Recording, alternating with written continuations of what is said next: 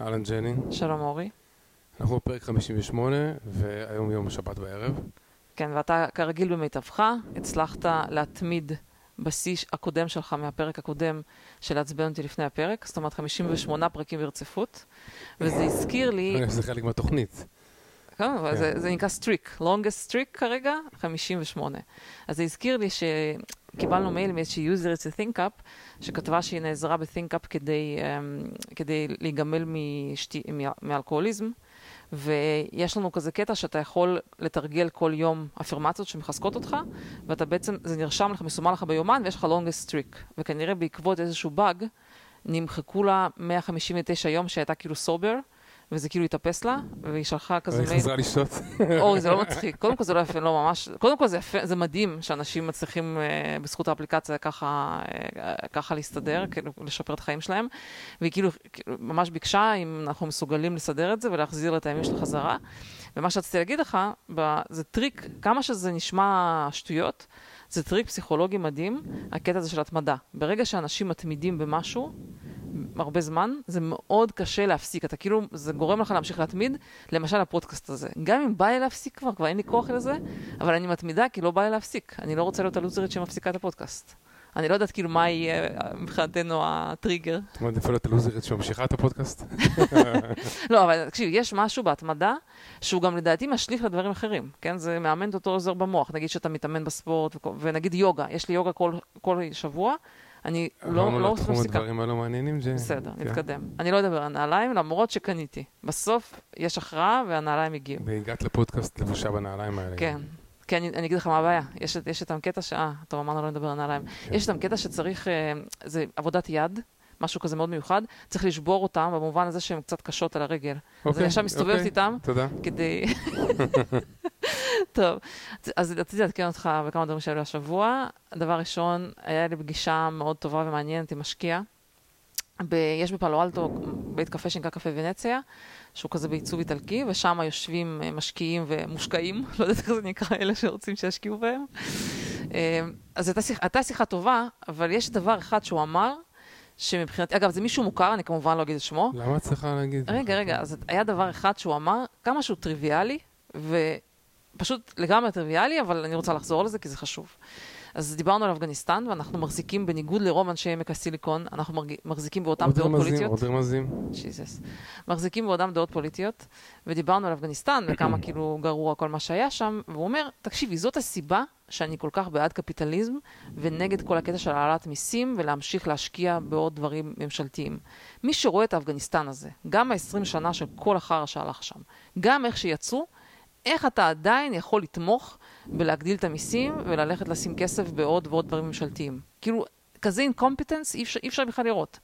ואנשים מסתכלים על זה, ודקה אחרי זה אומרים, אה, אנחנו בואו נדפיס עוד כסף, בואו נשקיע עוד כסף ב government וכאלה דברים. וזה לדעתי פשוט אה, מדויק ונכון. טריוויאלי, כן? אבל מדויק. וגם שאלת השבוע מישהו אה, מה היה ההישגים של ביידן, אז אחד מההישגים שהוא מנה זה שהוא הצליח להדפיס כסף. כן, בדיוק. אז אמרתי, כאילו, אחרי אפגניסטן, המסק... אוקיי, הוא נכשל באפגניסטן, אבל הנה, עכשיו הולך להשקיע בתשתיות. אמרתי, לא לימד אתכם לקח, הסיפור של אפגניסטן, שהדבר האחרון שאתה רוצה זה לתת להם עוד כסף, לעשות incompetence ולזרוק אותו לפח למושחתים. אמ, אז באמת בהקשר הזה, היום יש הרבה טוויטים ספציפית על הנושא הזה, זה מעניין, כן? זאת אומרת, הרבה אנשים הגיעו למסקנה, לא, לאותה מסקנה שלי. ש... יש, אה, צפוי להיות הוריקן מאוד קשה, נדמה לי היום או מחר בלואיזיאנה, אז uh, הם הודיעו שלצערם, למרות שהיה להם מטרה ארוכה שההוריקן הזה צפוי, ראש העיר או משהו כזה הודיע שהם לא מסוגלים, אין להם time for evacuation. אין להם, זאת אומרת, shelter in place, אין, שום, אין להם דרך לעזור לאזרחים. והם בדיוק פינו גם איזה בסיס של חיל האוויר שם. כן, קיצור, לגמרי, כאילו, incompetence גם בנושא הזה, ואז מישהי כותבת, I would love for someone to tell me just one thing that government is good at, other than fucking people over and being incompetent. כאילו, במשהו הם כן טובים, ואז דיוויד סאקס ממשיך, ואני חושבת שהוא כתב את זה מאוד יפה, אומר ככה, דיוויד סאקס זה אחד המשקיעים פה בעמק הסיליקון. Over the last 20 years, about 1 trillion went into United States, United States VCs, כאילו venture, venture capitalists, with spectacular returns and societal transformation. ו-all we heard is that VC was overfunded. כל הזמן הייתה ביקורת, אה, כל ה-VC, כל ההשקעות, כאילו לא, זה, לא מתייחסים לזה בתור משהו מכובד. Over the same 20 years, 2 trillion went into, Afghani- went into Afghanistan With zero returns and zero transformation, and we didn't hear a peep about it. כאילו, עד עכשיו אף אחד לא התלונן על כל המיליארד, טריליונים שנשפכו שם. זה לא נתפס שכל תעשיית הטק, ההשקעות בתעשיית הטק האמריקאית ב-20 שנה האחרונות היו חצי ממה ששרפו באפגניסטן. רק תחשוב מה, עושים, מה הממשלות עוש- עושות עם הכסף הזה. זה אי אפשר בכלל לתאר כאילו מה ה-VCs תרמו לארה"ב ומה החסרי ה-incompetence האלה תרמו. אז זה בנושא הזה של קפיטליזם והשקעות, וכל הכבוד לעמק הסיליקון על תרומתם. עכשיו שרואים את זה. ויצא לך להשוויץ בהשקעות, כן. אמ, כן, הייתה פגישה טובה, אני מודה. כן. חיובית, הייתה כל פגישה הכבוד חיובית. לך, את גאונה. כן. מה, אבל זו מצגת טובה, תודה. יש לי מצגת טובה. טוב, בסדר. Um, חוץ מזה, אנחנו פה בקטסטרופה הקליפורנית שלנו הרגילה עם השריפות והחום אימים, השילוב של אוויר, איכות אוויר לא טובה ושל uh, נורא חם, אז ניסינו היום ללכת לאיזשהו טיול, קבענו עם חברים ללכת להייק. יש לך פואנטה? הפואנטה ש... שכן, יש לי פואנטה. בטוחה. אני בטוחה. כן, הפואנטה שנחשב, כאילו, אי אפשר, אי אפשר לצאת מהבית, וזה די סיוט.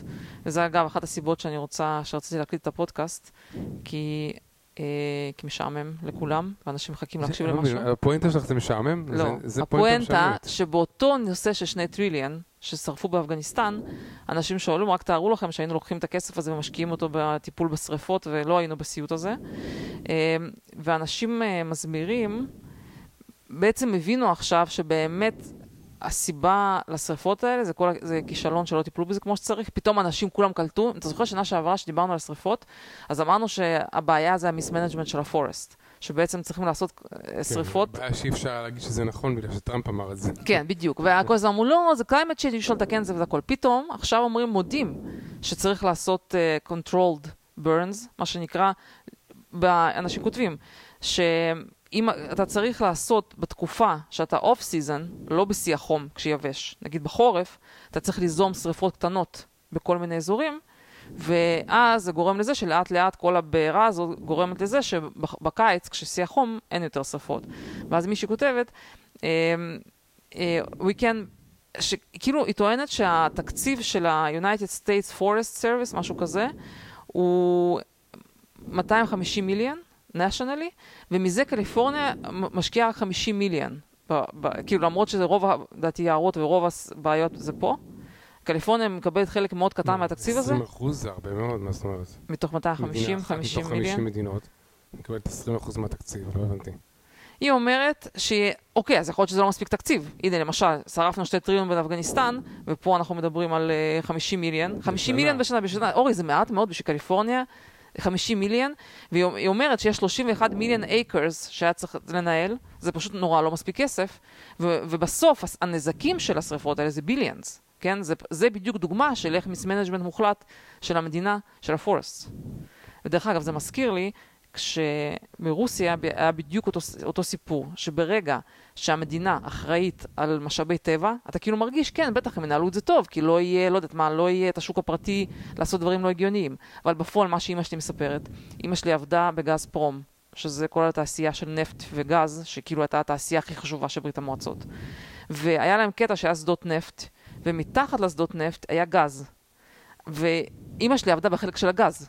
אז בשביל להגיע לגז הם היו פשוט שורפים את הנפט. פשוט היו עומדים שדות בבעירה, הם היו שורפים אותם כי החלק הזה שאחראי על הגז, לא אכפת לו מהנפט. כן, בשדה שליד הם היו משחררים את. הגז ו- בדיוק.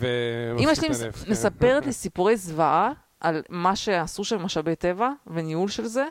כאילו, היה- יש להם אינסוף, אתה יודע, כשיש לך אינסוף, אתה אומר, מה אכפת לי? אז אני אשרוף קצת, לא נורא, כן? אבל זה פשוט לא נתפס מה שהם עשו.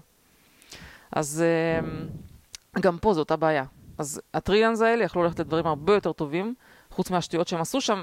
אגב, גם בהקשר הזה, ראיתי עוד ביקורת שבאמת מישהו אומר עכשיו, מה עכשיו צ'יינה עושים, מה הם הולכים לעשות סין. באפגניסטן, סין עושים באפגניסטן. הם כותבים, China is so smart and we are so dumb. They are building highways in Afghanistan to extract rare minerals. Meanwhile, we spend over 2 trillion with nothing to show for it, בעצם, בעצם אומרים, על מה כאילו ארה"ב תכל'ס בזבזה שם את כל הכסף הזה, כן? אז אנשים אומרים, אוקיי, כל מיני contractors כאלה של אה, גניבה, של שחיתות, שגנבו זה תוכניות בדרך. של diversity בבתי ספר. בדיוק, כן. ומה יש שם עוד? עשו, עשו כל מיני תוכניות של ללמד פקולטה ל gender studies וזה, זה gender studies, סגרו, הכל שם קרס באותה שנייה. כן, כאילו, אה, עכשיו אני אגיד לך מה שהיה שם לדעתי, שהם רצו כאילו להרגיש טוב עם כל הגניבה של כסף שעשו ממשלם המיסים האמריקאי. בפועל כאילו כל מיני אנשים שהם היו קונטרקטורים של אה, כזה של government, גנבו לעצמם את רוב הכסף, ובשביל כאילו להראות כלפי חוץ, הנה, יש לנו, פתחנו אוניברסיטה בכבול, אנחנו מלמדים פה כל מיני קורסים, זה, זה הכל כאילו הצגה. כן, בפועל, אתה יודע, מתוך 30 מיליון של תושבי אפגניסטן, אולי איזה 20 למדו שם בקורסים האלה, לא יודעת מה, אלף למדו, כאילו זה מצג שווא כזה, אבל כולם הרגישו טוב עם עצמם, כן, הכל כאילו פשוט אה, באמת אה, מזעזע. ובמשך 20 שנה לא התעוררה אף תנועה ולא קם אף אחד לצאת נגד הדבר הזה, כן? עכשיו, דרך אגב, ראיתי עכשיו, אם כבר אנחנו דקה מדברים על אפגניסטן, ראיתי עכשיו שהם הודיעו שזהו, שנאטו סופ... כאילו סיימו את כל ה-evacuations, לא יהיה... סיימו, הם לא סיימו. הם לא, שהם. פורשים, כאילו, כן. שהם פשוט נוטשים. ואולי באמת זו הנקודה האחרונה שאני אגיד בנושא הזה, כזה, יש לנו כזה סוג של small talk, לפני שאנחנו מגיעים אה, לנושא אנחנו עדיין ב small talk? אנחנו עדיין ב small talk. אוי ואבוי. אז אה, השבוע הייתי אצל רופא ש- אצל רופא שיניים. אתה יודע, אם יש משהו יותר משעמם מנעליים, זה כנראה רופא שיניים. לא, אז הייתי אצל רופא שיניים, ישבתי ובדיוק הודיעו שהיה את הפיגוע ונהרגו חיילים.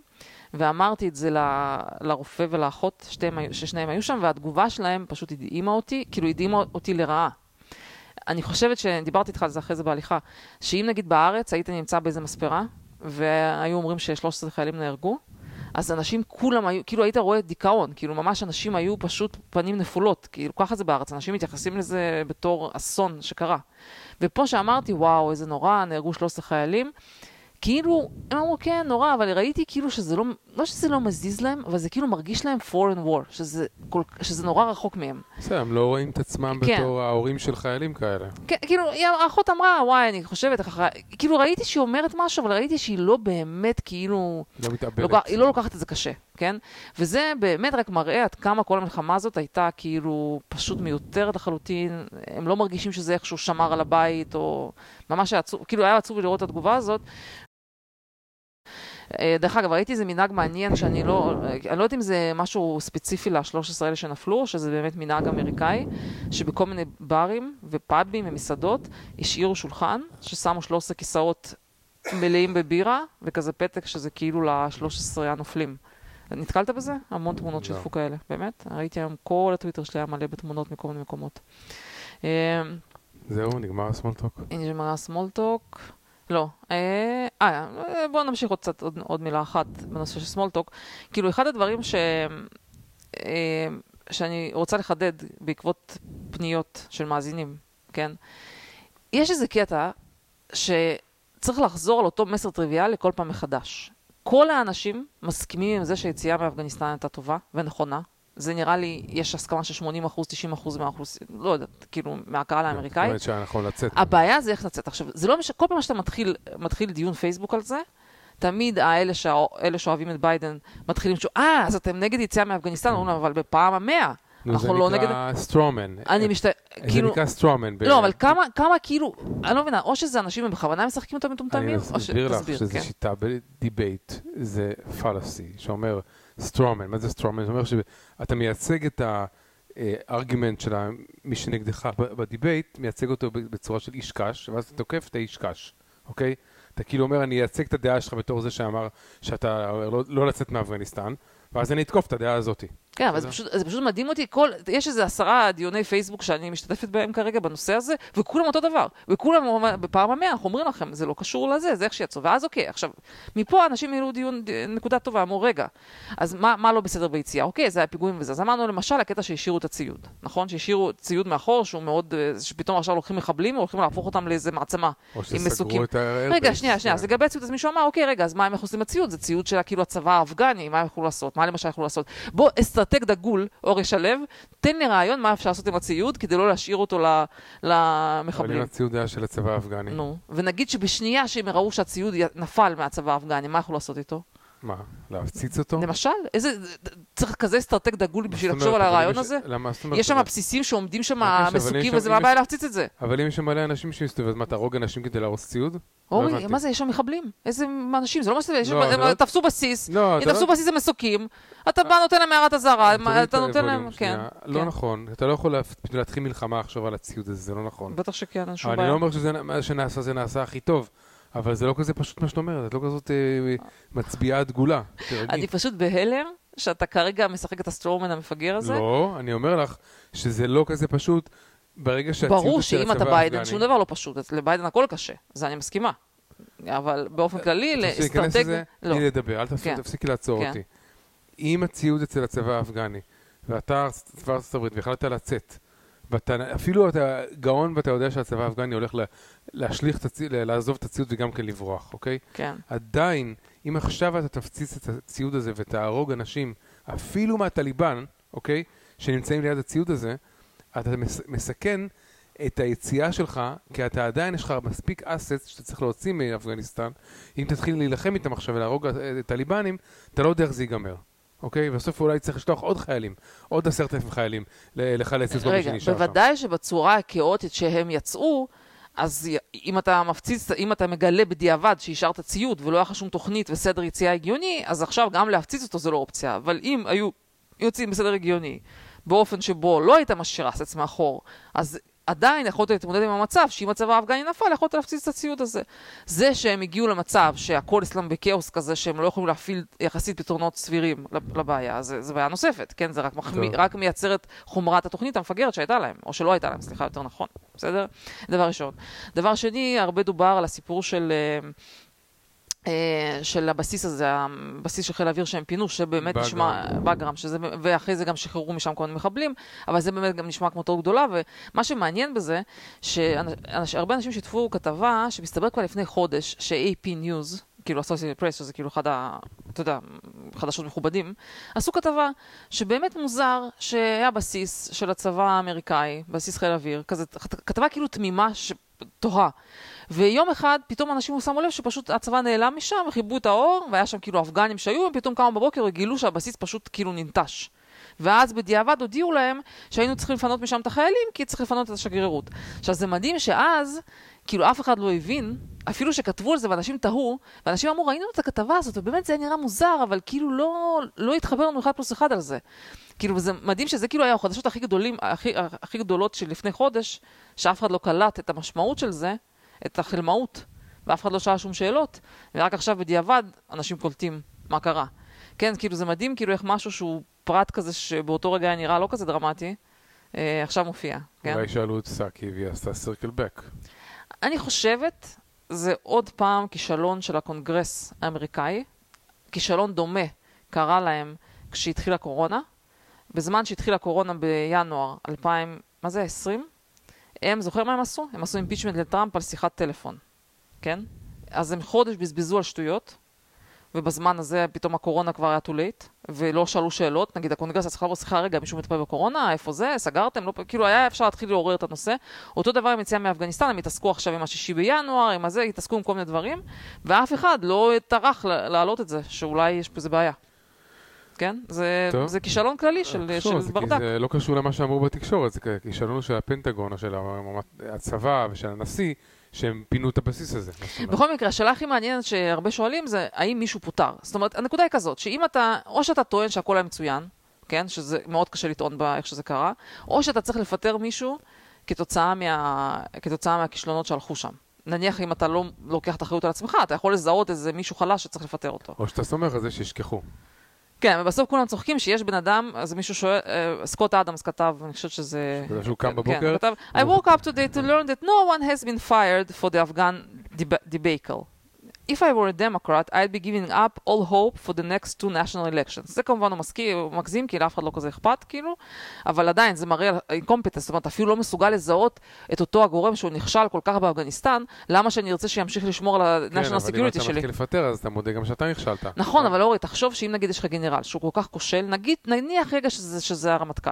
בוא נניח לשנייה. אני כרגע לא חקרתי משם זה, אבל זו הדעה שלי שהרמטכ"ל לחלוטין נכשל. אם אתה לא מפטר אותו, אתה מחזיק בן אדם שהוא סופר incompetent, להמשיך לנהל את הביטחון של ארצות הברית. למה שאני ארצה אותו בתפקיד? אבל אם המטרה שלך זה הפוליטיקה, כן. ואתה יודע שהתקשורת, כל המדיה איתך, אז אתה יודע שאתה תוכל להחליק את זה, ולא יזכרו שמישהו נכשל. כן, אבל. להחליק, אבל אתה מבין שהוא- שיהיה לו עוד אירוע, אם מישהו מישהו כזה כושל מנהל את הצבא. אתה מבין שזה לא ייגמר פה, יש עוד בעיות שהוא לא לא מטפל זה בהן. לא החשיבה. אז החשיבה זה היא, חבל. החשיבה היא שזה כל, זה היה קורה לכל אחד, ואנחנו לא רוצים עכשיו סתם להיטפל למישהו שזה קרה במשמרת שלו. תראה, החשיבה. אם ג'ו ביידן, או, או לא משנה, הצוות שלו, הגיע למסקנה שבאמת הכל היה בסך הכל סביר ותקין ואין מה לפטר, אוקיי, כאילו, אתה יודע, אז לדעתי צריך לפטר את ג'ו ביידן במצב הזה. כאילו, מבחינתי, כי אז אני חושבת שאם הוא חושב שהמצב הזה בסדר, אז יש לי בעיה איתו.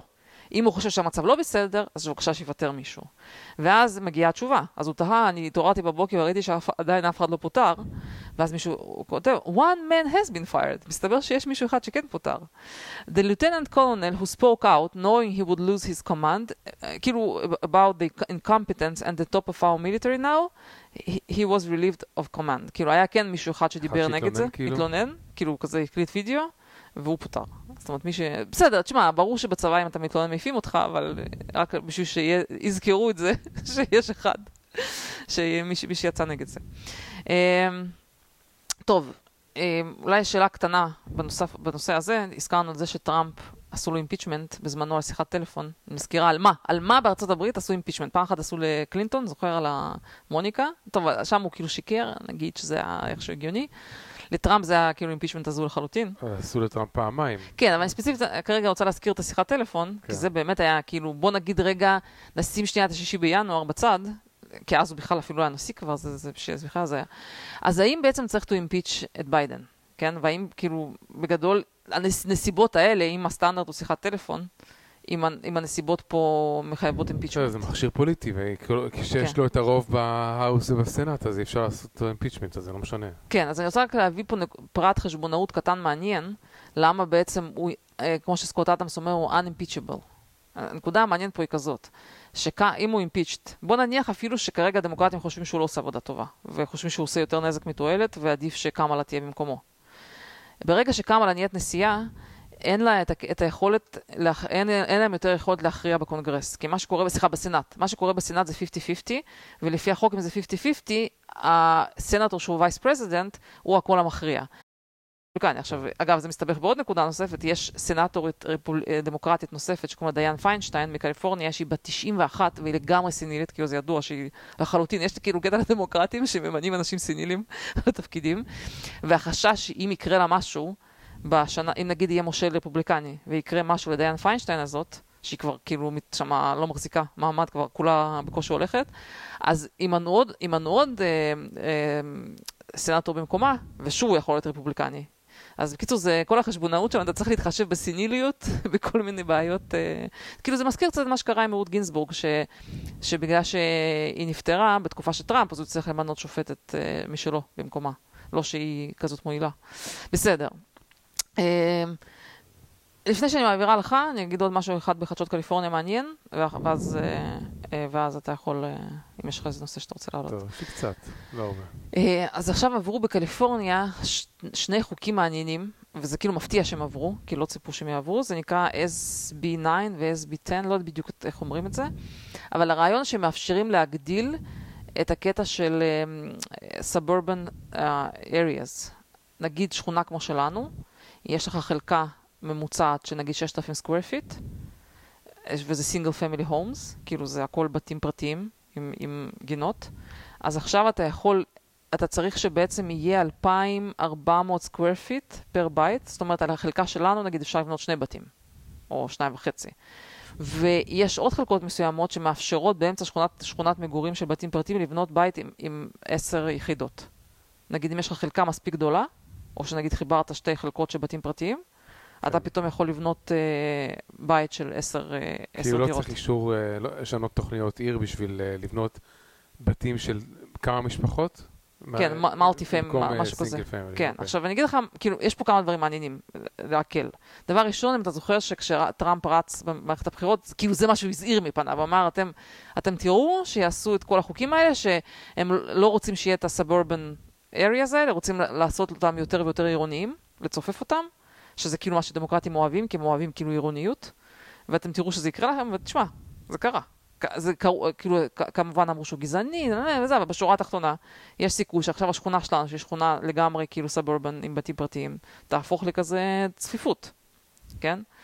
Uh, עכשיו, הסיבה שעשו את זה, כי כאילו אומרים שאוקיי, הבעייתים בקליפורניה נורא יקרים, ונורא קשה לבנות כי אין שטח, אז אנחנו פשוט נצופף, נבנה יותר בשטח הקיים. עכשיו, אני אישית, אני אגיד לכם, אני נגד זה, כי אני לא, חושבת שיש לנו אחלה שכונה, שכונה נחמדה, זה לא בתים מפוארים, בסך הכל בתים נחמדים שיש לאנשים, גינות לא כאלה גדולות, למה צריך לצופף פה? כי כאילו לצופף פה עכשיו זה סתם, זה כבר באמת לפגוע משמעותית באיכות חיים, ויש מלא שטח בארצות הברית, למה צריך לצופף כאילו שכונות שהן סבורבן, שהן שכונות נחמדות, שהן לא צפופות מדי, כאילו נעים פה, נכון? ברצינות, כאילו תסביר לי איך הדבר הזה אה, טוב, טוב כאילו לאיכות חיים של אנשים. למה? אוקיי, שיבנו שכונות נוספות, חסר, חסר דברים, יש מלא שטח. כי ההייטק מתפתח פה, ואנשים רוצים לגור קרוב לעבודה, ואם... הם, אה, לא יודע, לא, ואנשים לא... אה, יש- יש עכשיו work from home, יש מלא אופציות, למה צריך כאילו להרוס לאנשים את איכות החיים שלהם? לא יודעת, אני מבחינתי מאוד מאוד, לא, לא- כמה שאני, כאילו, אני מבינה, תראה, אני אומרת ככה, אוקיי, נניח שאני גרה פה, אני רוצה שגם ילדים שלי יוכלו לקנות בתים, והבתים פה נורא יקרים, כאילו באמת מחירים אה, הזויים. מצוין, פתרנו את הבעיה, ת- תהרסי את הבית שלנו, תבני שני בתים ושני ילדים. כן, יש בזה, יש בזה משהו.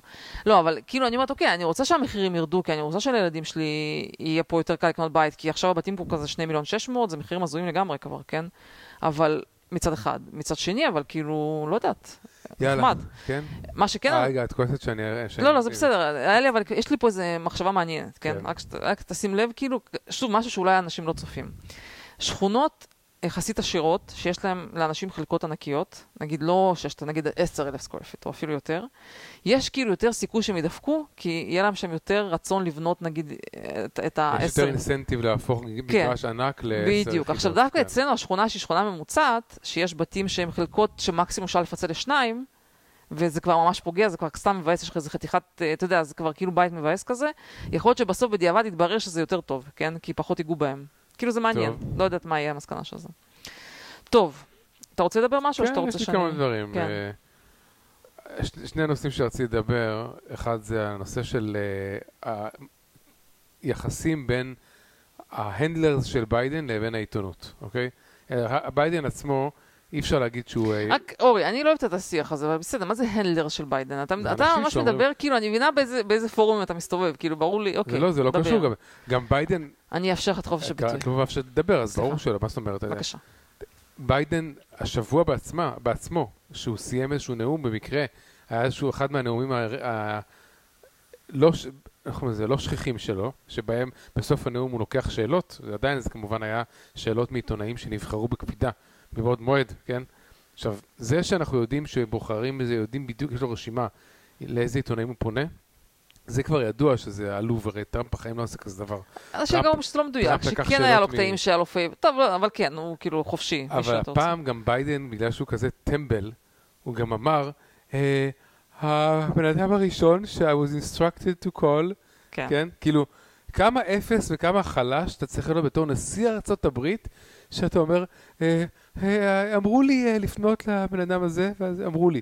אז לכן אני אומר לך, האמרו לי הזה, זה ה handlers שלו, שזה, לא יודע מה, אנשים ב staff של, אה, בית, של הבית הלבן, בסדר? מי שמתעסק בתקשורת, שהוא רוצה שהוא לא ישאלו אותו שאלה לא נכונה, או שיגיד משהו מיותר, וזה בסדר, זה ברור. אבל ברור שהוא בחר, אה, גם ה...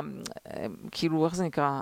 השפת גוף שלו, וגם המילים שהוא משתמש, זה לא מילים שהם כאילו לידרשיפ, כן? זה נראה נורא חלש, זה ברור. עכשיו, מה שרציתי לדבר על זה, זה מה שקורה בעצם בסוף הנאום. עכשיו, ברוב הנאומים שלו, רוב פעמים שהוא מוציא הודעה, שלאחרונה זה קרה יותר, כי הייתה המון דרישה שהוא ידבר על אפגניסטן פתאום, ו... ואחרי שהוא דיבר, במקום לדבר על אפגניסטן הוא דיבר על הקורונה, אז אמרו, רגע, מה, רגע, מה לא דיברת על אפגניסטן? היה לו כמה נאומים השבוע כאלה, שהוא נאלץ לצאת, לצאת ולהקריא מהכתוב, וגם היכולת הקראה שלו הידרדרה יחסית. הוא עוצר במילים לא נכונות, הוא, הוא טועה במספרים, תמיד הוא היה טועה, כן? אה, תמיד כשהוא יוצא off script בכלל זה אסון. אז הנקודה היא כזאת, שהיה איזשהו ניסיון לדעתי של handlers שלו לאחרונה, הם חשבו שהם עלו על טריק, שזה שהוא בא, אומר את הנאום שלו, ואז בורח.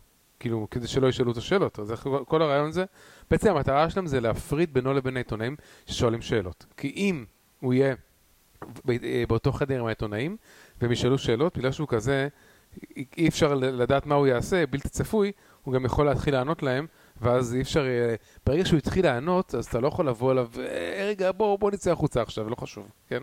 אם הוא התחיל לענות, אז חייבים כאילו לה- להתפלל שהוא לא יענה שטויות. אז השיטות שלהם, השיטה המ- המקורית שלהם הייתה, ברגע שהוא אה, מסיים את הנאום, העיתונאים מתחילים לצעוק שאלות, ואז ההנדלרס מתחילים כאילו לפנות אותם מהחדר, והצורה של הפינוי מהחדר היא גם צריכה להיות ספציפית, צורה שבה הם מפריעים לשאלות להיש- להישאל, ומפריעים לביידן לשמוע את השאלות. זאת אומרת, הם, הם יוצאים את העיתונאים מהחדר, ואומרים, let's go, let's go, וגם זה לא סתם כאילו, צועקים, אה, כן. everyone now please uh, leave the room. כן. ו- כי אם אתה אומר everyone leave the room, אז אתה משאיר... עדיין אפשר לצעוק לו שאלות. כן, אתה משאיר מספיק שקט בשביל שאלות. אז כאילו אתה מקשיב לאיך שהם אומרים את זה, "Uh, let's go, let's go, ככה. שאלות, הם עורכים את המשפט, את המילה המאוד ארוך, כדי שזה יעשה רעש והוא לא ישמע את השאלה. אגב, אנשים חושבים שזה מצחיק, אבל זה לא, זה אנשים שמשאפים בתקשורת, הם יודעים, זה אחד הדברים הכי כאילו בסיסיים ש, של כל, כל צוות של בית לבן, גם זה אני לנהל הייתי את יכול התקשורת. לחשוב על זה. לא, ברור, אני אומרת, זה, זה שזה אולי נשמע למישהו מוזר, זה ממש לא, זה, זה דווקא קומפיטנסי מסוים באיך לנסות יצירתיות, מגלים הרבה יצירתיות. הלוואי שהם היו עובדים ככה באפגניסטן. אוקיי, אך נגיע ליצירתיות. והשיטה שהם התחילו אותה השבוע, לפני, בזמן האחרון, אמרו, טוב, טוב, אנחנו לא אוהבים את כל הצעקות האלה של let's go, בוא נעשה שהוא יבוא, יקריא משהו, ואז יסתובב וילך, כן? ואז מה שקרה, בעצם זה כאילו backfired בצורה אחרת, נכון. ומה שקרה שהעיתונא, שהעיתונאים, בוא נגיד, או כלי התקשורת הפחות ידידותיים לביידן, הם התחילו בעצם לאסוף תמונ... את התמונות של הגב שלו. כן, כל פעם ששואלים זה, שואלים, מעלים איזה בעיה, כאילו, אנשים מסוימים בתגובה. או וידאו שרואים שהוא ממש רץ אחורה, כאילו, איך, כן. זה, כאילו, איזה סוג, איזה, מה אתה משדר אם הנשיא אומר משהו ואז רץ אחורה לחדר האחורי. הוא היה לו השבוע גם, את אמרת שהיה לו כן. גם איזה תירוץ, כן, "אה, יש לי פגישה. כן, באמת יש לי פגישה, אתה יודע, כאילו, הוא אני לא בעצמו. לא האמין, לא, הוא אומר, בטח לא יאמינו לי, כן, באמת יש לי פגישה, כן, עכשיו כאילו, אתה כאילו המנהל, כאילו, מה זה יש לך פגישה? אתה קובע מתי כן. היא נגמרת. אה, או בואי, ש- מישהו אני לא רוצה. להסתבך, אני get in trouble if I... אז, אז מה שקרה שהתחילו לאסוף את התמונות ש, של הגב שלו, שהוא בורח מה- מהדברים האלה, ואז אוקיי, ואז ההנדלר שלו, וההנדלר שלו, הוא טוב אוקיי, אז אי אפשר לעשות את הצעקות האלה, אי אפשר לברוח עם הגב, נעשה משהו חדש, כן. ואז מה שהיה איזה מקרה אחד השבוע, שבו הוא אמר איזה משהו, כאילו, הוא נאם את איזשהו נאום, הקריא כמובן, ברור כן. שהוא לא יודע מה הוא עושה, ו... אה, ואז כאילו נשאר לשבת, ואז ההנחיה, שלו, מה שהוא היה אמור לעשות, זה להישאר לשבת, ולא, נ- וכאילו, תדרכו אותו, אל תענה, אל תענה, כן? עכשיו, אז הוא נשאר לשבת, והצ- וכאילו, מה לעשות, העיתונאים מתחילים לשאול את השאלות, וכאילו, ואז, אה, אה, בקיצור, ואז הוא התחיל קצת לחייך, כאילו, כאילו, הוא- הוא כאילו מבוכר כבר, הוא- כן. תחשבי שאתה כאילו יושב באיזה שולחן, מולך עומדים אנשים ופונים אליך, אתה יודע שהם פונים אליך, וכאילו ההוראות שלך זה לא לענות להם. אז כאילו, זה, זה נורא מוזר, כאילו בן אדם במיוחד שלו בדיוק שולט בכל הקונטקסט של איפה שהוא נמצא, כן?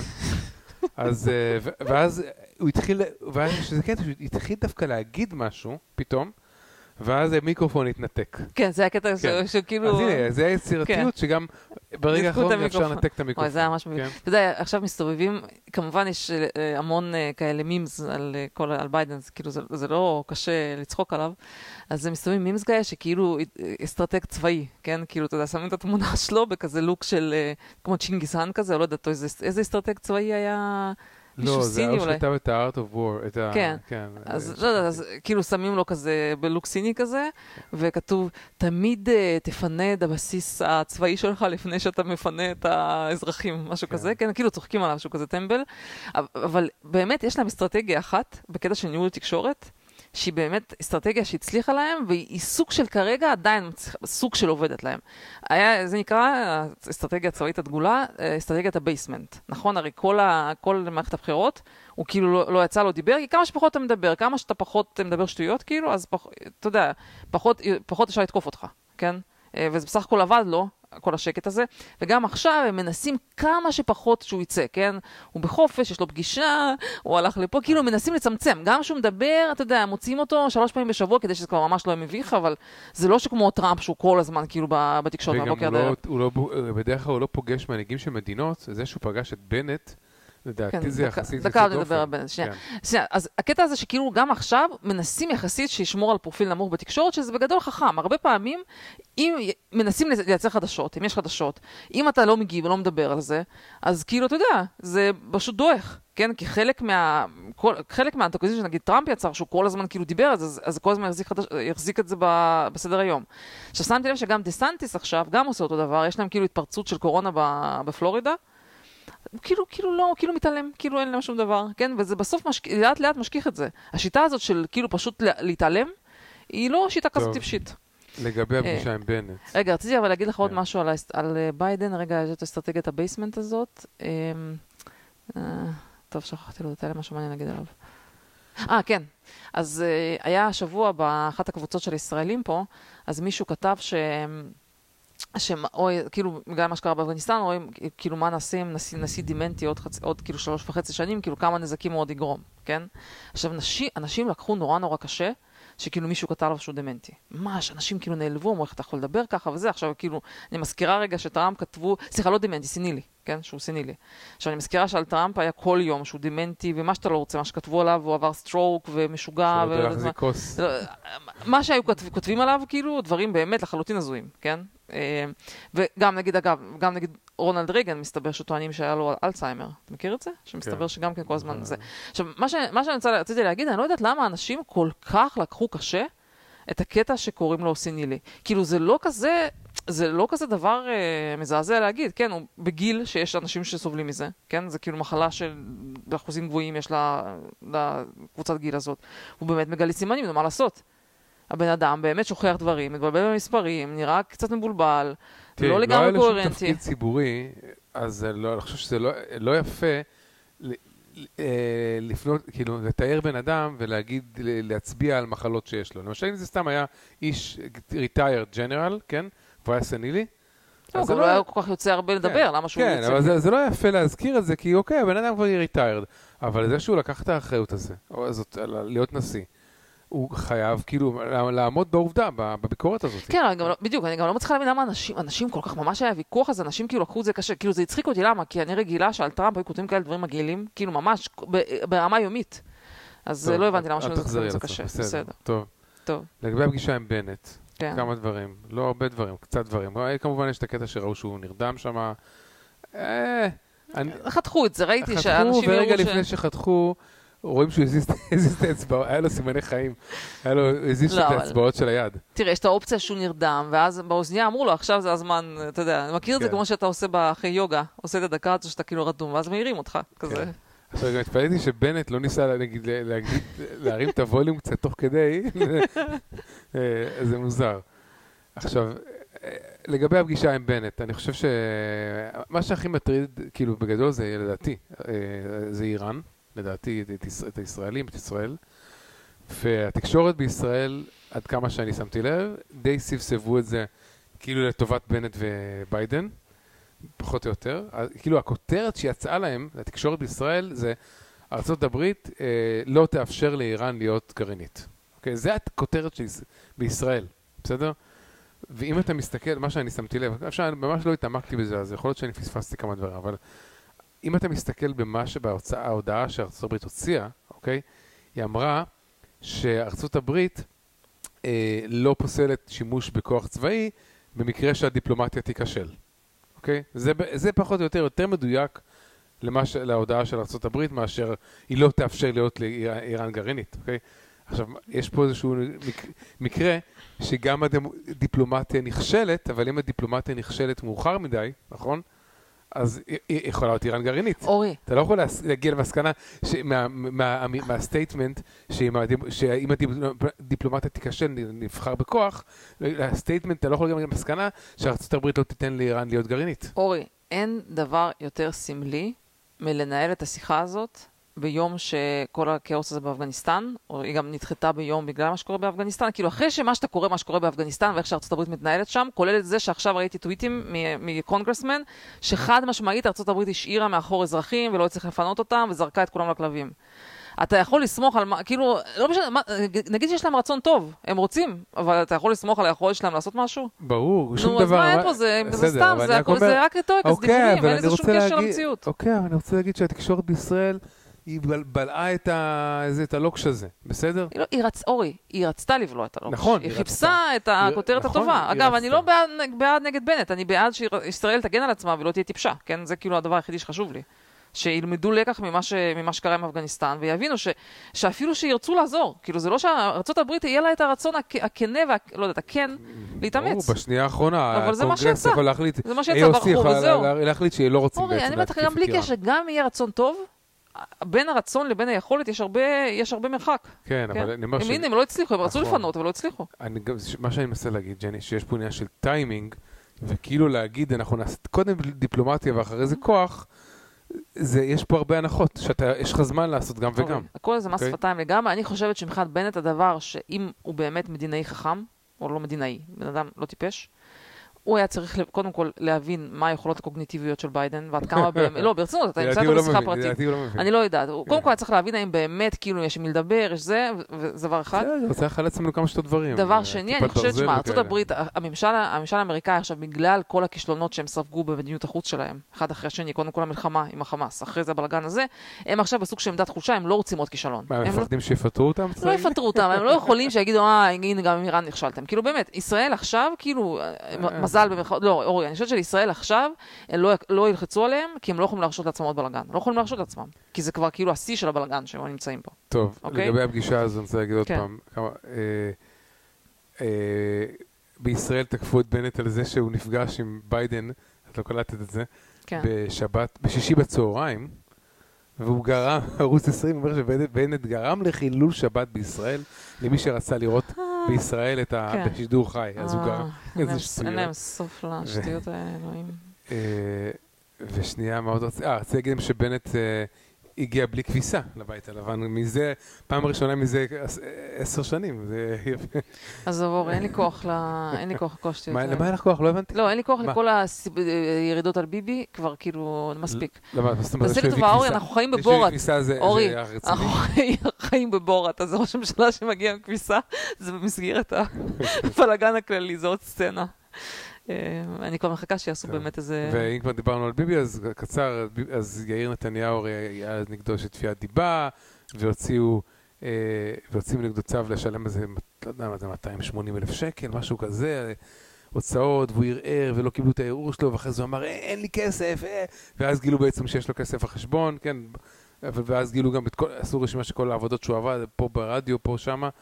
עכשיו, לדעתי, ג'ני, מה שמעניין, מה שמעניין, מה בקריירה של יאיר נתניהו, כן? אני לא אומר, אני לא אומר בוודאות, אני לא עשיתי את החישוב. לדעתי, הוא הפסיד יותר כסף בחיים שלו מאשר שהוא הרוויח, אוקיי? זאת אומרת. אם אתה סופר את כל הכסף שהוא הכניס, לעומת ה-280 את הכסף שהוא הפסיד בתביעות דיבה, הוא פשוט, הבן אדם נמצא במינוס בתרומה שלו, גם לכסף של עצמו, ואני לא סופר את ה... לא יודע מה, לכאורה כל מיני שוחד וכאלה שעבר אני לא דרכו, דואג- אבל אי אני אפשר לדעת. לא דואגת לו. כן. לא, הוא בסדר, יש לו, יש לו מיליון שקל בחשבון, כן? אבל זה לא שהוא הרוויח, אני אומר, הוא, התרומה שלו הייתה שלילית עד עכשיו. זה- טוב. תראה, אורי, יש לי איזשהו אייטם מעניין לגבי סין, יכול להיות שהוא לא יצא טוב ונצטרך לחתוך, אני אנסה, אוקיי? אייטם גם עמוק וגם מעניין. אז אחי שלח לי איזשהו פודקאסט, אפילו לא זוכרת מה שמו, מה שמו, שכאילו שזה שני פרופסורים, משהו כזה אמריקאים, שהם מסבירים כמה סין נהדרת וכמה ארה"ב כושלת והיא דועכת, והכלכלה של סין, כאילו שיר הלל לסין, וכמה חבל שהאמריקאים לא עושים את מה שאלה עושים. והסברתי לו שבאופן כללי יש בעיה, שזה כאילו פשוט נשמע פרופגנדה, כאילו, כאילו זה מדהים אותי שהוא חשב שזה פודקאסט מדהים מבחינת איכות של אינפורמציה, וכאילו אני, מאיפה שאני שומעת את זה, פשוט פודקאסט פרופגנדה, וגם ככל הנראה ממומנת על ידי סין. כן? עכשיו הסברתי לו, זה מה שהוא צריך להבין לגבי האקדמיה האמריקאית ולגבי פודקאסטים של פרופסורים. שקודם כל, האקדמיה האמריקאית היא מאוד מאוד נוטה שמאלה, בצורה קיצונית. בצורה קיצונית אוהבת אה, שלטון אה, ריכוזי, כאילו הם לא מאמינים בכל הקטע של פדרליזם ו states ועצמאות וזה, הם רוצים כאילו שיהיה government ענק אחד, שיהיה כזה אירופה, או, או אפילו כמו סין, אתה יודע, שיגבו לכולם. וגם סין מאוד משפיעה באקדמיה האמריקאית, מממנת המון מחקרים, כמעט בכל אוניברסיטה יש כזה מרכז תרבות של CCP הזה שלהם, וממש אסור כאילו בכלל להתייחס לזה ברצינות, לדברים האלה. זה נכון שהם מציגים את עצמם כפרופסורים, אבל זה ממש לא משקף, לדעתי, טוב, שום דבר. זהו? כן, לא, שנייה. עכשיו, מה, ש, עכשיו, מה שרציתי להגיד, אחת, ה- אחת הבעיות של, אה, של הס, ספציפית של הקבוצה הזאת של פרופסורים אמריקאים, במיוחד במדעי הרוח, והסיבה שהם שונאים את הקפיטליזם, זה שיש פער בין זה שהם נורא חכמים, בדרך כלל אנשים חכמים מגיעים להיות פרופסורים, כן? לבין אה, כמה שהם משתכרים. לצורך העניין, יכול להיות שיש מישהו אינסטלטור, בארצות הברית שיש לו ביזנס פרטי משלו, שהוא מרוויח יותר מפרופסור ל-social studies, כן? זה יכול להיות. שלא לדבר על יזמים ואתה יודע, אנשים שהלכו להייטק וכאלה דברים. והר... ואני חושבת שהרבה מזה יש להם נטייה לחשוב שקפיטליזם כאילו לא עובד. זה שהם כאילו לא הצליחו מספיק או לא משתכרים כמו חבריהם, זה לדעתי יוצר אצלם תמונה מעוותת של להיות אנטי-קפיטליזם. טוב. אוקיי? וצפיתי, ראיתי בזה כמה פעמים, כן? עכשיו, מה הבעיה? שכל האינטליגנציה האמריקאית, כל האליטה האמריקאית, כאלה שכותבים בספ... בעיתונים, שמזמינים אותם לכל מיני talks, אתה יודע, כאילו שמתייחסים כאילו לדעות שלהם, גם הרבה מהם ב government, זה בדיוק האנשים האלה. ובאמת נוצר איזה מצב שכאילו, הם כאילו מדברים שטויות, מחנכים גם את הדור החדש אוקיי, שטויות. מה, ואיזה איפה הפואנטה? בסדר. הפואנטה, אוקיי. שלא להקשיב לפודקאסטים, ולהבין אוקיי. שיש השפעה. עכשיו שנייה, רגע, אני רק להמשיך עוד נקודה, שאני מרגישה שיש סוג של משבר אליטות בארצות הברית. כאילו, לא ברור לי מי זה האליטות. מי זה האנשים שתכלס אתה אומר, בואנה, אני רוצה להקשיב לו, יש דברים טובים להגיד, אני באמת מכבד ומעריך את, אה, את העשייה שלו ואת התרומה שלו. אני חושבת שאנחנו על גבול, כאילו, כל העיתונאים של פעם, כל מיני כאלה CNN, כאילו כל האנשים האלה, כולם צוחקים עליהם, אף אחד לא מתייחס אליהם ברצינות, חושבים שהם חרטה ברטה, כן? הרבה מהגופים המקצועיים כאילו אה, לא, לא מתייחסים אליהם ברצינות. מי שנשאר בעיניי זה רק ורק היזמי הייטק, אילון מאסק. לא, באמת, זו הקבוצה היחידה שכאילו אנשים מק- מקבלים את דעתם ומתייחסים אליהם כאילו בתור אה, מישהו רציני. טוב, זה לא מאוד יודע. עצוב. כן, לא- לדעתי אחת הבעיות של ארצות הברית זה אני הבעיה הזאת שאין לא מקבל את אליטה. הדעות של מרק זקרברג, לא מקבל את הדעות של ג'ק דורסי. מה זאת אומרת? מה זה לא מקבל את הדעות? אבל אתה כן מקבל נגיד את הביטקוין, כאילו הקונספטים שהם מקדמים, הם ביום, היום כאילו מה שקובע את מה שקורה בארצות הברית. זה כאילו לדעתי בסוף האליטה כאילו האמיתית.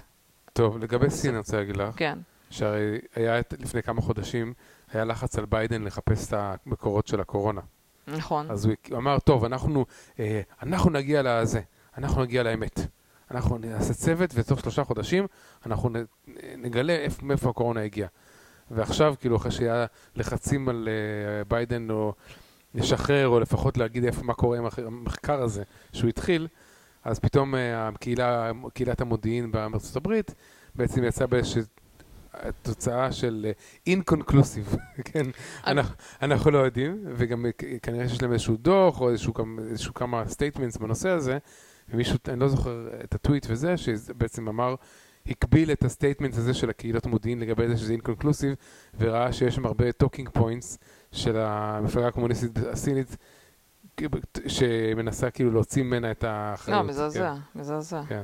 זה, זה, זה מה שאני אומרת, שההשפעה הסינית היא דרך האקדמיה, הם הצליחו להכניס את האנשים האלה עכשיו לממשל ולכל מיני גופים ממשלתיים, כי רוב האנשים האלה בסוף הולכים לעבוד בגוברמנט. גם ג'ני, אקדמיה זה סוג של, אה, איך קוראים לזה, זה כמו, ב, ב, יש לך תקציב שהוא אנשים בני ערובה שלך. אתה מתחיל לתת להם תקציב שנתי נכון, של כל מיני גרנטים נכון, וכאלה. נכון? ו- והם נאלצים לעשות ו- מחקרים. ש... ו- כן. אתה, לא, ו- והנקודה כזאת, אתה תמיד כאילו תחת האיום שיקחו לך את התקציב. כמו שאז טראמפ לקח תקציב, כאילו אמר, מה אנחנו משלמים כסף להונדורס וסלבדור וכאלה, לא. בגואטמלה? כן. לא, כל הקטע ש... יש לך leverage שאתה נותן כסף. נגיד זה שארצות הברית נותנת כאילו דולר סיוע לישראל או כל מיני מדינות, זה בעצם, היא מרוויחה בזה leverage, שכשהיא תרצה שמשהו יקרה, אז הוא יקרה. כי היא יכולה להוריד, תמיד כאילו את- לסכן, לאיים בזה שהיא מורידה את זה. אז אותו דבר, הם גילו על, על הקטע של הפרופסורים, על המחקר. כן, אז זהו, אז בהקשר הזה, אגב, אני רוצה, באמת עכשיו נזכרתי מה הפואנטה של הקטע, של כל הקטע שהתחלתי איתו, זה שני טוויטים מאוד מעניינים, אחד של אה, אנטוניו מרטינז, הוא כותב ככה, Achilles fought in the front lines of the battle of Marathon. Socrates fought at several battles of the Phil- Peloponnesian War. Imagine if our elite class had ever encountered reality outside of a screen of Ivy League seminar room. כאילו אומרים שכל האליטות של פעם, זה אנשים שגם היה להם ניסיון של חיים אמיתיים, כן? הם כאילו הבינו מה זה, לא יודעת, מה זה מלחמה, מה זה, כאילו, מה המחיר של חופש ודברים כאלה. וכל אלה רק יושבים, ואתה יודע, בכל האוניברסיטאות היוקרתיות שלהם, וזה מדהים אותי מה רמת הפריביליה שצריכה להיות לך כדי נגיד להגיע ולהיות כאילו מוקסם מרעיונות של קומוניזם, נתקדם. לא, לא, שנייה, ואז מליסה צ'ן עונה לו לאותו טוויט, even Hemingway and Orwell, המינגווי. Hemingway and Orwell fought in the Spanish Civil War. כאילו, הרבה מהאליטות באמת כאילו ייצגו בצורה טובה את העם, ומה שיש עכשיו, הם מנותקים. אוקיי? טוב. Um, שנייה, אז אני רוצה רגע להמשיך את הסיפור של סין. הסיפור של סין הוא, הוא מדהים, באמת uh, סיפור מעניין. יש חברה שאני מניחה שאתה שמעת עליה, חברה שנקראת ARM, A-R-M. ברור, שהם מאבדים. בדיוק. עכשיו, זו חברה שהייתה אירופאית. זו בעצם החברה הכי חשובה בעולם. אומרים שבגדול כל התעשיות של, ה, אתה יודע, של אינטק, המון המון טק, בסופו של דבר מבוסס על הטכנולוגיה שלהם. עכשיו, אה, איך קוראים לזה? חברה קונה אותם, מי קונה אותם? לא NVIDIA. NVIDIA? יפה. כן. לא, לא NVIDIA, מי שקונה אותם, שנייה רגע, כאילו אתה לא מאמין, זה אחד הסיפורים, כן, NVIDIA expects to make the request in early September, the chip maker also must get approval for the 20, 40 billion acquisition from China, כן, the US and the UK. עכשיו כביכול, כביכול, הסיפור שרוב האנשים מכירים, שהחברה הזו זו חברה אירופאית ו-NVIDIA הולכת לקנות אותה בהרבה כסף. אוקיי? והם צריכים אישור של רגולטור אירופאי וכנראה אמריקאי וכולי. מה שמסתבר שקרה בפועל, ככה. שנייה, אה, זה, זה, זה פשוט, אומרים שזה הגניבה, כמו שהיה לנו פרק על ה... איך זה היה נקרא? זה על האיברמקטין, איך קראנו לפרק הזה? הפשע של ה... okay. אוקיי. הגדול הזה? זה הגניבה הכי גדולה בהיסטוריה של האנושות. מסתבר שסין בגדול דה פקטו גנבה את החברה. ואף אחד לא, אחד לא מבין. מה, את ארם? כן. מה שמסתבר שקרה, שהם... אמ, שארם רצו להגדיל את הנוכחות שלהם בסין. אתה יודע, כמו כל חברה, יאללה, בוא נתרחב. וזו הייתה חברה British. ו... אה, עכשיו, סליחה, סופטבנק קנו את החברה ב-2016. הם הבעלים, את ארם. אוקיי. כן. עכשיו, ואז הם החליטו שהם רוצים כאילו להגדיל את החברה. סופטבנק זה יפני, לא? כן, סופטבנק זה יפני, כאילו תכלס אתה אומר, יופי, סין, הם okay. כאילו לא, לא חברים כאלה של סין, obviously. ואז הם החליטו שהם רוצים, part of their push was also to go hard into China and become the dominant CPU supplier in all segments, כאילו רצ, רצו לגדול לשם. Uh, וברגע שהם נכנסו לשם, הצ'ייניז הצליחו. להכריח את סופטבנק למכור 51% של הסטייק לאיזשהו קונסורציום of Chinese investors for 775 מיליון, שאומרים שזה גם סוג של שחיתות, אומרים שזה בכלל לא הגיוני, זה זול מדי. כן. מאיזושהי צורה, ואז שמו שם איזה מנכ"ל סיני, אני אחרי זה אשלח לך את הכתבה, זה נורא מסובך, והם הצליחו בצורה הדרגתית להעביר את כל ה-IP לתוך חברה סינית, כאילו הקימו סאבסידרי אה, סיני, אוקיי. העבירו לשם את כל ה-IP, ואז הודיעו וקראו לזה, הם אפילו מראים את השם של החברה, זה שם בסינית, כן. כאילו ARM אבל בסינית, משהו כן. כזה, והצליחו כאילו לגרום לזה שפתאום החברה הסינית הזאת פתאום התנתקה, כאילו הפס- הפסיקו כן. להגיע לישיבות וזה כאילו סוג של כזה רבו שם כולם בין כולם, כאילו יצרו אולי בכוונה את המריבה הזאת, ופתאום החברה הסינית הודיעה שהיא מוציאה את אותם המוצרים, איזשהו ליין של אותם המוצרים משמות טיפה שונים. קיצור, בגדול דה פקטו גנבו את כל ה-IP, כן. ועכשיו אומרים שזה קטסטרופה, כאילו גם דבר, כאילו זה כל התעשיות של העולם תלויות בזה, שכל הטכנולוגיה פשוט נגנבה על ידיהם, וגם אומרים שמבחינה אפילו פיננסית, אה, מבחינת של סדרי, חו... כאילו חוקי חברות, בכלל לא ברור מה עושים עם הקנייה הזאת של NVIDIA, כש... שחצי מהחברה גנוב על ידי הסינים. טוב.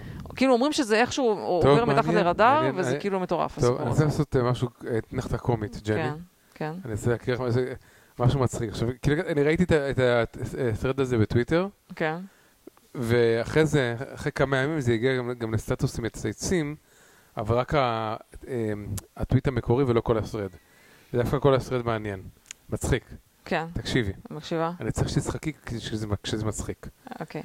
מישהו כתב, אסף אפלבוים כתב, קחו סרט מפורסם ותהפכו אותו לרוסי. הנה אני אדגים.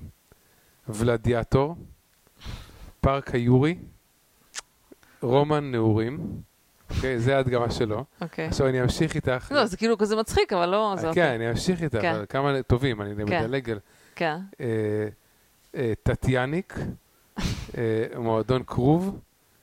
מה זה מועדון קרוב? מו- אה, כי זה קרב, אוקיי. אבודימה בטוקיו, יפים והאמיצים. אה, שנייה. מהיר ופילמני. אה, שודדי האי קרים, רגע, אני אני מחפש טובים, רגע. גבעת אולגה אינה עונה. אה, שנייה, היה כל מה כתובים, זה ערבוב לי את הסדר. אה, הארי פוטר ומס- ומסדר עוף החולודץ.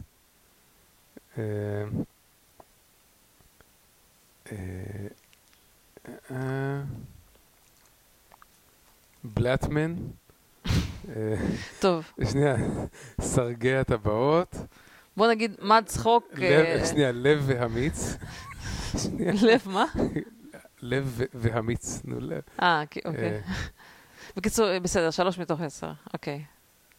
כל הכבוד על. עשר? היית צריך להעביר את החלק הזה לסוף, אמרתי לך השטן- שאין לי שיר השטן לסיום. לובש את ולאד. אה, בסדר. איזה שטויות. טוב, שומע? בסדר. אני גם במסגרת אתנחתא קומית, אבל אצלי יש חומרים איכותיים, לא בדיחות אה, של שלוש מתוך. עשר. טוב, נו, בסדר.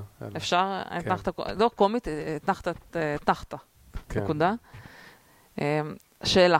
זה מישהו שעשה סקר שהיה לו 3,000 וואטס, ואני אגיד לך את השאלה ושתי אפשרות תשובה. What does move this meeting forward an hour mean to you? שתי אפשרויות תשובה. One hour later, one hour earlier. מה התשובה הנכונה? later. נכון, אבל ואז, ואז הוא כותב, stop voting wrong. The correct, the correct answer is obviously one hour later. 63 אחוז טוענים שזה one hour earlier. כאילו, איך זה יכול להיות?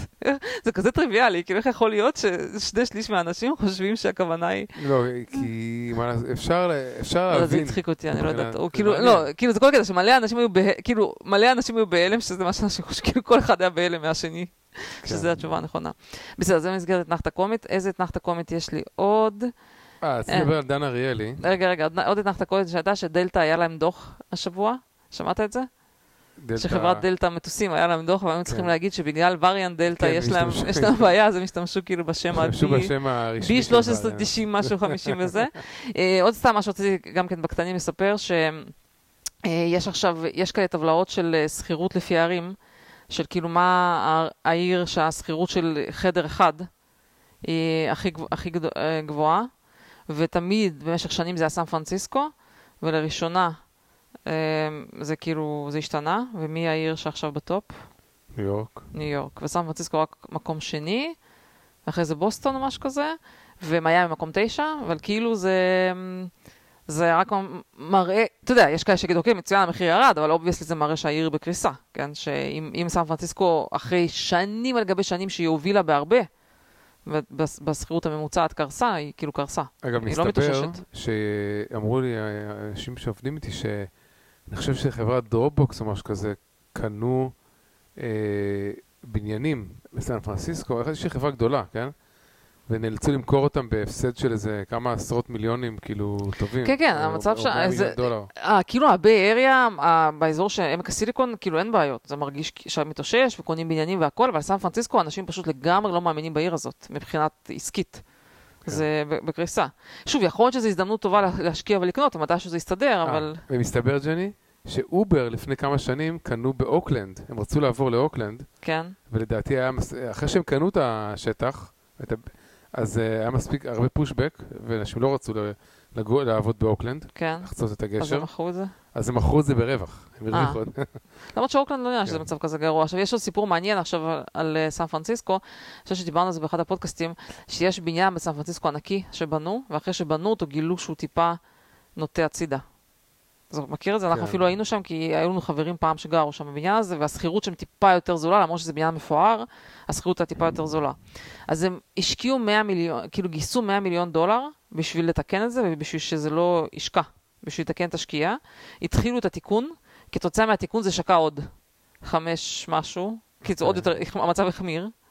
עכשיו, הם אומרים שהם כאילו יתקנו את זה, אבל עכשיו כאילו, תחשוב כאילו, 100 מיליון, אתה מתחיל זה וזה שוקע עוד. זה פשוט כן. אה, בסוף אה, מדהים. טוב, לגבי דן? אריאלי, היה כן. השבוע סיפורים איתו, שגילו שהמחקרים שהוא עשה, אה, היו עם דאטה שאומצה. ממש, הוא ניסה, הוא ניסה לו... אה, ראיתי את זה. כן. וואו. ניסה שם להוכיח... אוי, זה מעניין, כן. אה, רגע, באיזה נושא זה היה? שאנשים, אם אתה, אתה חותם בדף הראשון של החוזה, אז יש יותר סיכוי שתקיים אותו, או משהו כזה, שת, כאילו, אוקיי. כאילו מחקר, כאילו פסיכולוגי, כן, הבן אדם לא ממש כלכלן, כאילו... כן, זה כזה לו- פסיכולוגיה, התנה- התנהגות כן. כלכלנית כזאת, משהו. עכשיו, כן. אני תמיד, ג'ני, תמיד אני אמרתי לך, שהוא שרלטן? שהוא שרלטן ש... אני לא רוצה, זה רק לכאורה, כן? אני לא באמת, אני לא רוצה ש... אמרתי לך שאני מרגיש שהוא, יש לו איזשהו סיפור יפה, והוא מסמן אותו בתור מטרה וחוקר אותו, כן? זה, אגב, זה לא כזה קשה, כן? אתה תמיד יכול לחרטט משהו. אוקיי, אבל לפחות תזרוק לפח את הסיפורים שלא הצלחת לה- להוכיח את המטרה שלהם, בסדר? יש לו כל מיני תירוצים, אגב, וגילו שכאילו הפונט שבו מילאו את הטבלאות, עם, עם הדאטה המזויף, הוא יצא בפונט שונה מהפונט המקורי של הדאטה. השאלה אם זה המקורי. הוא רק סטודנטים שלו, מי אתה יודע מי עשה את זה? לא- אני לא חושב שהוא לוקח 100% מהאחריות על זה, כן? יש סיכוי שזה פשוט אה, מישהו מהסטודנטים שלו עשה. זה, זה, אבל זה בדיוק הסוג של הסיפורים שלו, שהוא רוצה למכור ספרים, הוא רוצה להיות פופולרי, הוא, עושה כאילו... זה פופוליזם, זה popular science, זה לא science, כאילו, זה שחררת, ואני אמרתי כן. לך את זה מזמן שזה, זה גם לא, פופוליזם תשמע, שהוא אני אגיד. לך, הקטע שהתחלתי לחשוד בו, שהוא התחיל להסתובב עם החצי... בדיוק פה רציתי להגיד לך, שאני לא זוכר מי כתב את הטוויט הזה. מי שכתב טוויט עבר, מי היה מאמין שדנה ריילי יתגלה בתור דו-פרצופי? לא, זה באמת קטע שכאילו, אתה אומר, היא קצת משהו פה, משהו לא, פה אבל מתחיל לו- איתו יש לו בסדר. איזושהי פציעה בפנים, זה לא... אה. זה לא... אה, כאילו, בסדר, הוא יכול- לגלח לגמרי, נכון? כאילו. לא יודעת, זה כן. משהו מוזר. טוב, אמ, טוב, אחרון בקטנים, לפני שנעבור למשהו... זהו, מה זה משהו? זהו, לא גמרנו? אה, באמת גמרנו? כן. שנייה, רציתי רציתי להגיד לך שיש, אה, נכון שהיה את המחלה שנקרא TDS, שזה Trump Derangement Syndrome, ועכשיו יש מחלה חדשה שנקראת DDS, שזה DeSantis Derangement Syndrome, אז כאילו האויב הגדול עכשיו, זה כאילו אה, המשה של פלורידה, וזה נכון שיש להם כרגע התפרצות שם, ויש מצב שהוא קיבל החלטות פחות מוצלחות פה ושם, אבל בגדול הוא מושל מאוד מוצלח, הוא עשה הרבה מאוד דברים טובים, אני לא רוצה עכשיו להיכנס לעומק, אבל זה כאילו מדהים אותי עד כמה הם מחפשים אותו, וממש הי- הייתה איזו כתבה, שזה, הרגשתי שזה שקר, אבל uh, יצאה כתבה, מישהו, שהם בצורה מאוד מניפולטיבית עשו את הכותרת שלה, שאמרה שיש 901, שאני חייבת למצוא את הכותרת, כי כל, כל החוכמה זה להראות איך הם דיווחו על זה. אמ, כן, שים לב, שים לב לכותרת של, של הכתבה. פלורידה COVID update. 901 added death, largest single day increase in pandemic history. עכשיו, המסקנה שהם רצו שיגיע אליה, שבאותו יום, ביום אחד, כן, זו המסקנה הגיונית, נכון? ש-900 איש מתו היום מ- כן. מה- מהקורונה בפלורידה. וכמובן, תוך שנייה זה התחיל להיות מופץ בטוויטר, זה כאילו היה מכוון, כן? רצו שאנשים יפיצו זה, איזה גוורנר גרוע, 900 וזה יש.